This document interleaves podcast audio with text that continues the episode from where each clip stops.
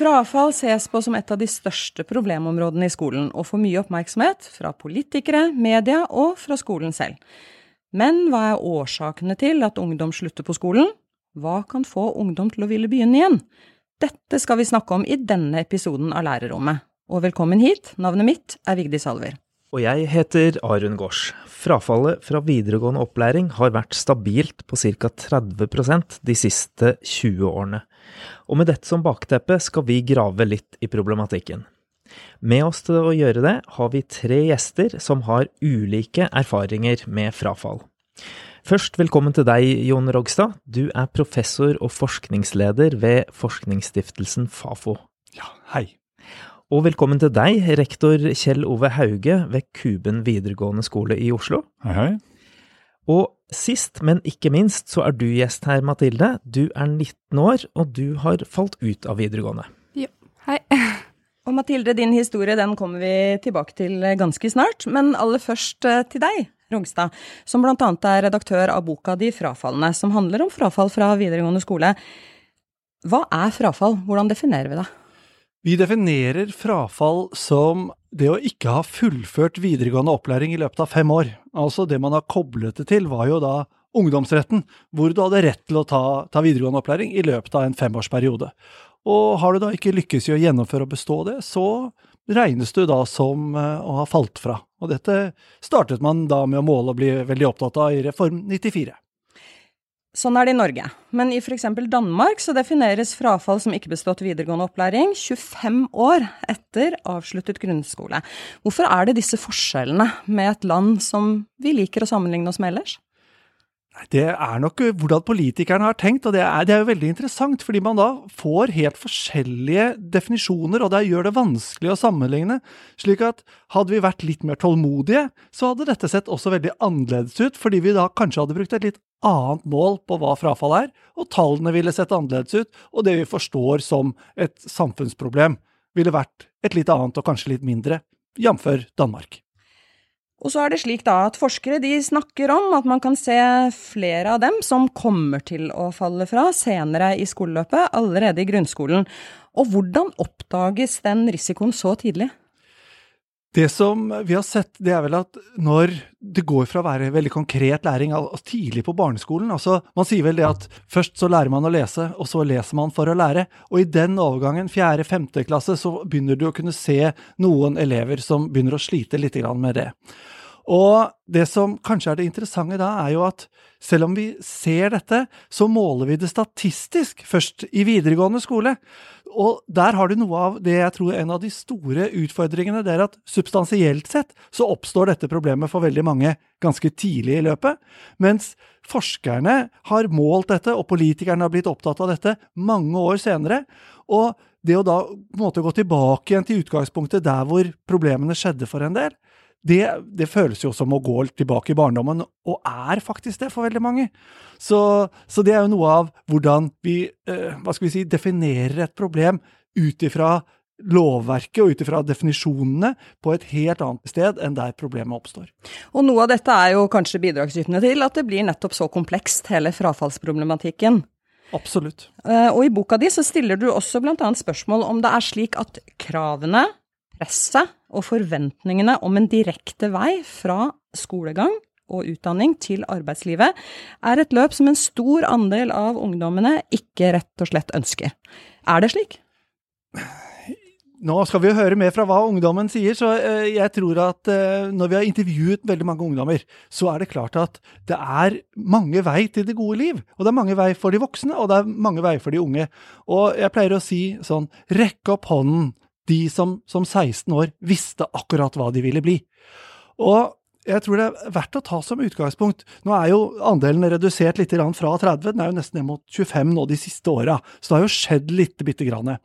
Men stabiliteten fra 94 fram til i dag Regjeringer har kommet og gått, reformer har kommet og gått, Gode intensjoner har det ikke vært mangel på, uavhengig av politisk bakgrunn og hvor man har stått, men man har på en måte ikke fått det til. Denne fjerdedelen eller tredjedelen som har, har tatt litt lengre tid, den har vært bemerkelsesverdig konstant. Og da må man kanskje gå litt tilbake og si er det noe i det å være ung og vokse opp hvor en del sliter med helseutfordringer, sliter med å vite litt hva de vil, har vanskelige hjemmeforhold, altså mange av disse årsakene som i sum leder til det vi ser som noe litt enhetlig i statistikken, men som jo skjuler utrolig mange og varierte skjebner. Og en av dem som skjuler seg bak tallene i frafallsstatistikken, det er deg, Mathilde. Ja. Hva skjedde da du falt ut av videregående i det første skoleåret? Som du sier, da, eh, så er det sånn at det starta liksom allerede i første klasse.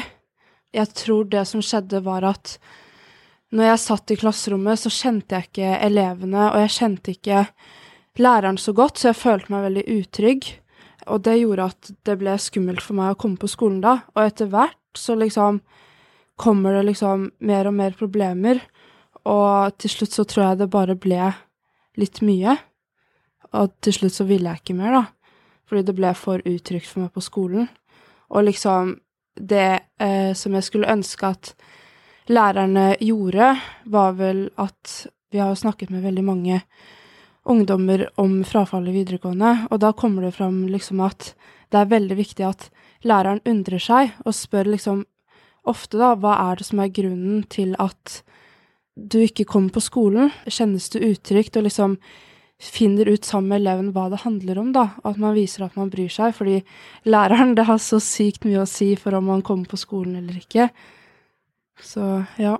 Det å liksom samarbeide med, med eleven selv og liksom finne ut hva ting handler om egentlig, da. At, fordi at jeg kunne ofte si at jeg var syk, ikke sant, men så handlet det om helt andre grunner. Ja. Du, eh, du nevnte at, eh, at, eh, du er skoleproff i Forandringsfabrikken. Mm. Kan du si noe kort om hva det er for noe? Ja, jeg kan prøve. Forandringsfabrikken er jo et kunnskapssenter hvor man snakker med barn og unge for å hente inn råd til hvordan man kan endre på skolen og hjelpesystemer i Norge i dag, da. Og de som er proffer, da, er jo elever og ungdommer som er med på Som har erfaring fra eget liv og fra systemer som, som er med på å formidle den kunnskapen vi har samlet inn, da. Mm. Du, Forandringsfabrikken de har jo også egne undersøkelser om frafall. Hva viser de? Oi, de viser ganske mye, men uh, det er jo litt det jeg sa, og så handler det De viser at liksom noe av det viktigste for de som faller ut, er å føle seg viktig å bli samarbeidet med. At liksom At man kjenner at læreren ser på deg som en samarbeidspartner. I dag så føler jeg vi er veldig opptatt av å snakke om laget rundt eleven, men vi snakker liksom ikke om laget med eleven. Jeg vet ikke, man kan jo tenke på det selv, da, hvis du liksom kommer på jobb, og så er det plutselig noen som kommer og sier at hei, denne, nå har vi funnet ut at eh, for at du skal få det bedre, så er det viktig at eh, du gjør sånn og sånn. Men hvis du blir spurt i stedet for om hva som funker og sånn, så er du jo litt mer villig til å ta imot den hjelpen, hvis du får være med på hjelpa selv. Hvordan synes du selv at uh, skolen håndterte det da du sluttet?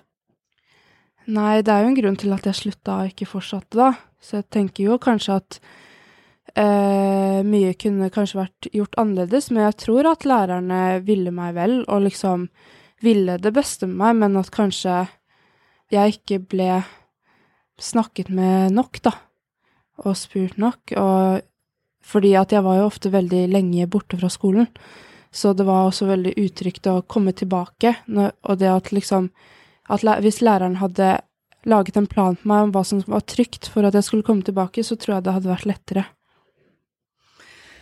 Og på Kuben så sitter du, eh, Haug, og du er rektor for 1800 elever der. Og Kuben er Oslos største videregående skole, med både yrkesfag og studiespesialisering. Og nå har vi jo hørt hva Mathilde forteller om sin frafallshistorie. Finnes det fellesnevnere blant elever som faller fra, slik som du kjenner det? Finnes det en typisk frafallshistorie?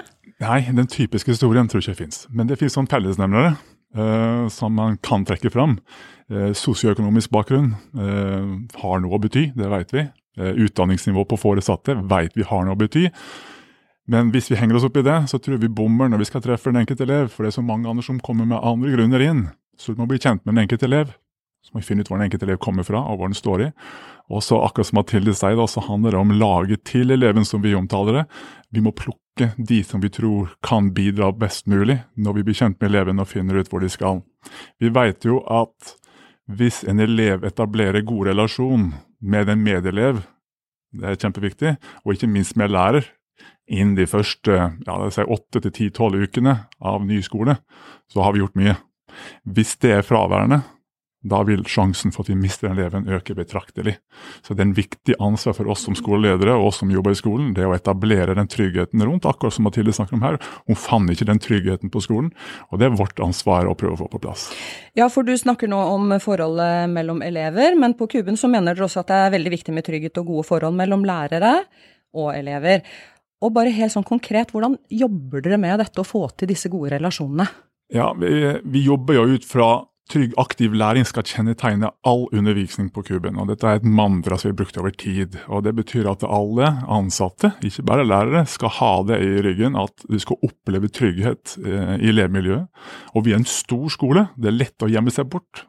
Da vil det være noen som kommer forbi og gir deg et smil og spør hvordan har du det. Eh, da vil det være miljøarbeider som er kjent med deg og som kan stille det riktige spørsmålet til riktig tid. Av og til vil eleven si det går fint, jeg vil bare være alene. Og av og til vil eleven sukke og si tusen takk for at du spør, og så har vi inngangen som vi trenger på å komme inn og bli litt bedre kjent eh, med den enkelte elev. Du ville si noe, Røgstad? Ja, altså, det, Noe jeg syns er veldig interessant i dette, er jo at det er jo noe av det samme vi hører fra arbeidslivet. Altså det å føle seg sett. Det er jo et sånn grunnleggende behov.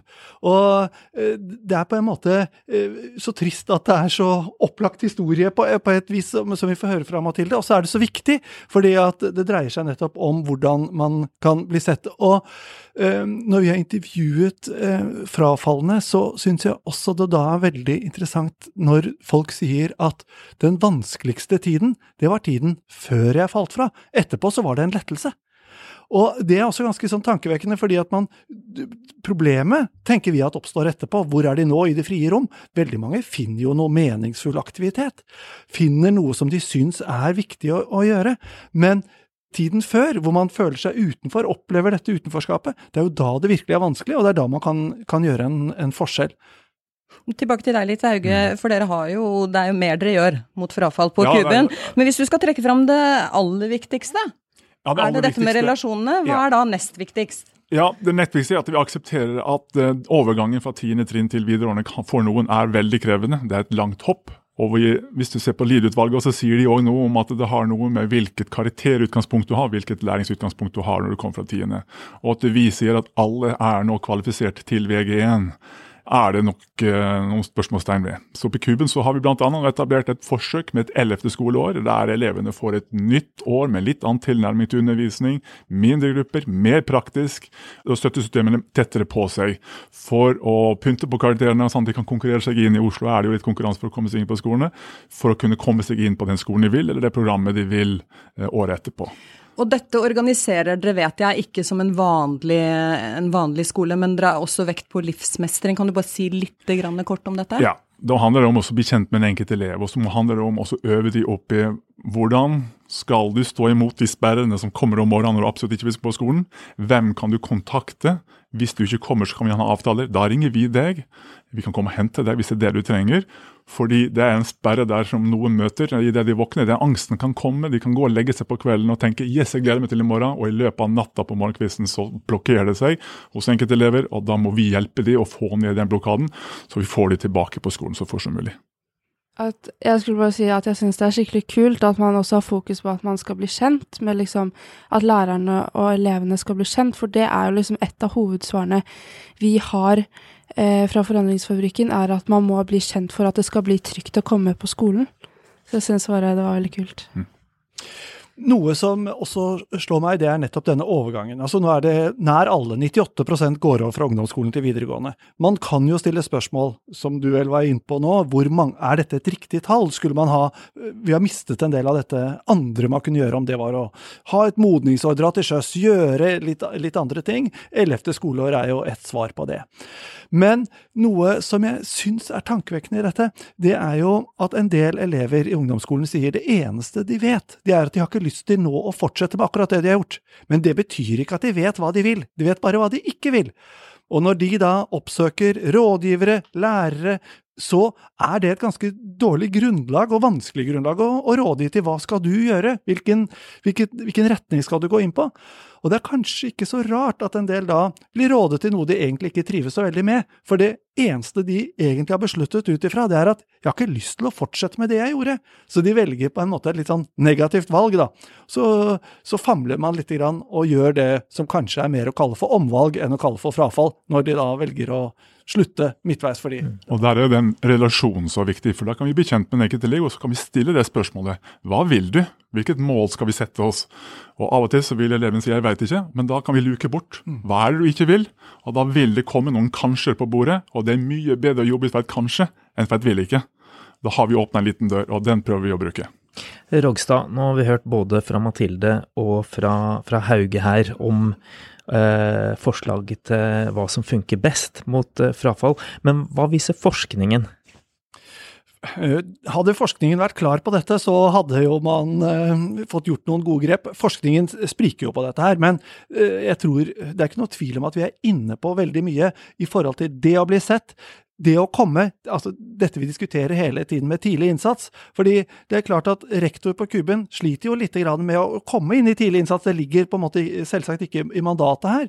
Så hvordan kunne f.eks. dette eh, utdanningsvalg, så de ble tydeligere, elevene ble rustet bedre, tidligere, var klarere på hva de, hva de gjorde, det tror jeg hadde vært utrolig viktig. Så ser vi jo at det er ganske mange tiltak nå som ligger i randsonen mellom utdanning og arbeidsliv, som jobber veldig tett opp mot elevene. Færre, mindre grupper. Man jobber ringer, man forholder seg veldig nøye til eleven slik, eller kandidaten, eller personen, mer enn eleven, slik de ønsker å bli sett som, eh, hva skal vi si, rett og slett personer i eget liv.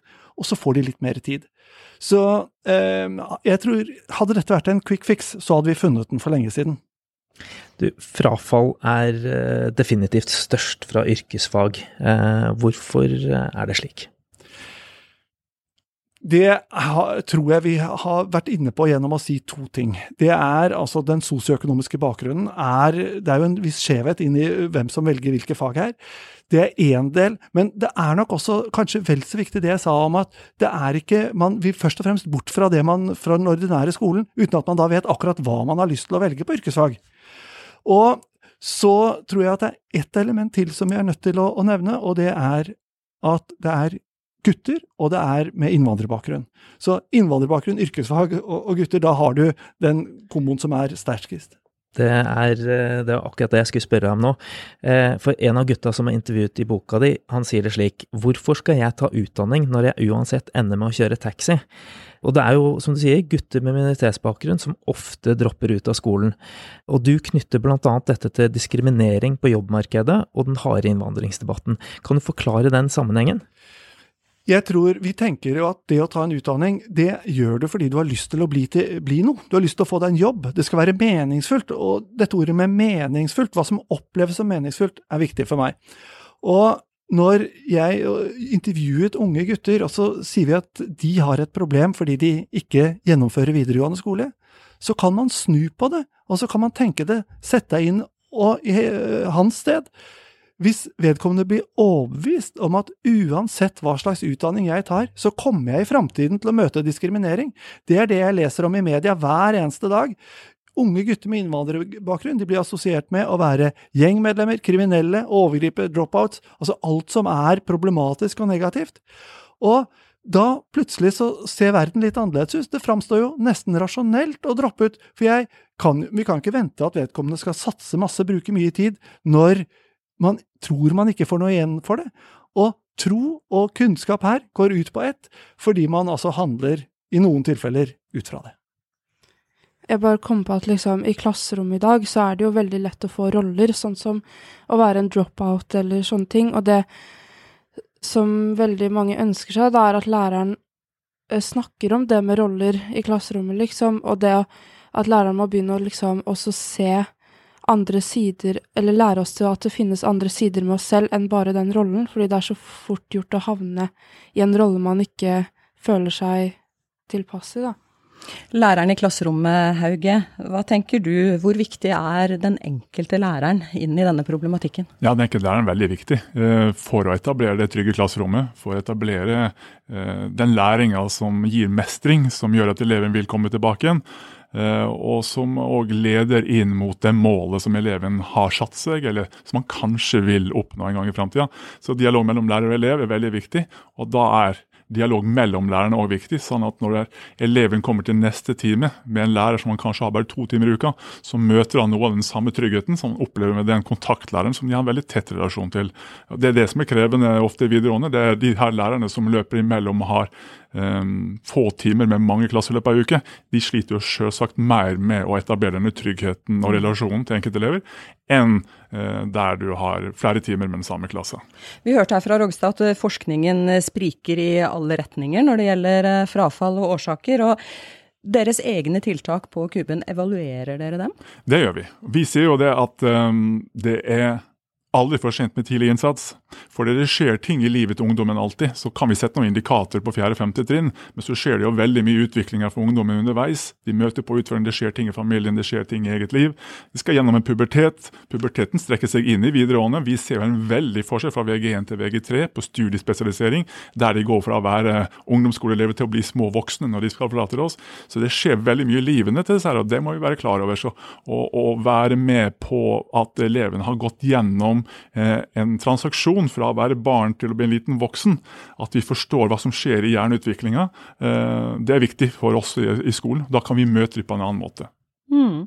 Og dere samarbeider jo med andre skoler i Oslo gjennom oppfølgingstjenesten. Mm. Hva er oppfølgingstjenesten, og hva ligger i det samarbeidet? Ja, Oppfølgingstjenesten er jo et tilbud som Mathilde skulle ha fått. ikke sant, Blitt henta inn igjen. Vi henter ut elever som er på vei ut eller er ute. Bydelene ringer og sier at nå har vi en ungdom som går i vår bydel som ikke har noe å gjøre. Da henter vi de inn hos oss i mindre grupper, blir kjent med de, får på støttesystemene til eleven eh, og prøver å knekke denne koden på motivasjon. Hva er det du vil? Du kan bli noe. Og så bygge eh, denne her nedstemtheten eller sperrene om til muligheter for den enkelte. Det er det det handler om eh, der. Og da er praksis et fellesnevner som vi ser. Hvis de får gå ut og utøve noe, produsere noe og gjøre noe, så ser vi at det er med på å løfte elevene. Er dette samarbeidet så tett at du som rektor kan ta en telefon til en annen rektor? Ja, det gjør vi jo. Det gjør vi, men det skjer oftest på nivå under på rådgivernivå. Mm. Tilbake til deg, Rogstad. Eh, hva vet vi om hvordan det går med ungdom som har sluttet på skolen? Altså, er det sånn at alle får vansker med livet, og f.eks. med å få seg jobb? Det er jo også veldig interessant at det er også veldig forskjellig. Veldig mange kommer jo over i, i litt andre, andre, hva skal vi si, aktiviteter. En del går i jobb, en del bytter jo og velger om og bruker litt lengre tid. Og, eh, så er det jo en del som vi hva skal vi si, det vi typisk ville forbinde med eh, frafall, nemlig er litt sånn mer i det frie rom, hvor er det igjen? Så er det en del på helse, helse ulike typer av rehabilitering. Men eh, det vi også ser der, er at Eh, det er en større andel gutter som dropper ut av skolen, men det går nok litt bedre med de guttene, målt i hvem som kommer inn i arbeidslivet. Så frafall rammer litt kjønnsskjevt, sånn, sånn som det ser ut. Så, sånn sett er man liksom mest bekymret fordi det er størst andel gutter, men man burde kanskje være vel så bekymret for de jentene som dropper ut, fordi konsekvensene av frafall synes å være noe større for, eh, for jentene. Du, kan noen av de tiltakene som, eh, som brukes eh, mot frafall, rett og slett eh, være stigmatiserende eller ha motsatt effekt? Det kan det være, men jeg tror ikke at vi Vi er jo nødt til å prøve nå, så jeg, jeg tror ikke at vi skal bekymre oss så mye for det. Jeg tror vi har gjort heller tydelig for lite enn en for mye. Og jeg syns jo det er veldig interessant med de nye læreplanene rundt eh, hva vi egentlig har vært inne på nå, rundt livsmestring. Det er jo ikke så rart for noen hvis folk opplever utenforskap, mobbehistorier. Du har mange tunge historier som, som ligger, og hvor folk sitter i timen og gruer seg til friminuttene. Da er det jo ikke så veldig rart at man heller ikke får med seg noe særlig undervisning. Så får man ikke med seg undervisning, så henger man etter der. Og man henger også etter, om vi så skal si, eller opplever utenforskap i, i skolegården. Dette blir en, en vondt hele. Og jeg tror det er, noe, det er noe veldig interessant i å se på noen av de tiltakene som vi har fulgt, hvor man har samarbeidet mer med praksis og vært ute i arbeidslivet. Fordi da får man noe av det beste fra arbeidslivet, nemlig hvis du ikke kommer, så, så det er en forventning om at du skal komme, og du rammer alle når du ikke kommer, og den tar jo de unge som de voksne på seg. Mens den fortellingen som en del har hatt fra skolen, er jo at i hvert fall de andre medelevene, og i noen tilfeller kanskje også læreren, fordi at det er krevende å forholde seg til dette, syns det er nesten bra når ikke de er der, og i hvert fall medelevene syns jo, hvis man opplever utenforskap, at det, det er ikke så, så, farlig, det er kanskje bra. Så den akkurat den motsatte delen, og hvordan kan man få det inn og, i skolen, slik at de unge opplever seg velkomne? Fordi det er klart, som øh, vi hørte her, når man begynner å tvile på det å oppleve utenforskap, da er det veldig lite som drar deg inn. Særlig i denne sårbare tiden som ungdomstiden er. Mm.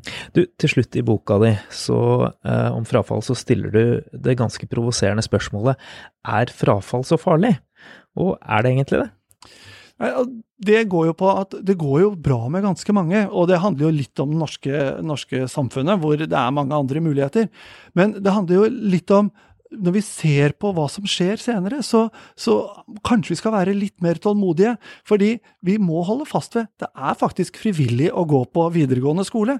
Vi har et ønske om det, og det er jo ikke noe tvil om at det lønner seg i forhold til framtidig jobb.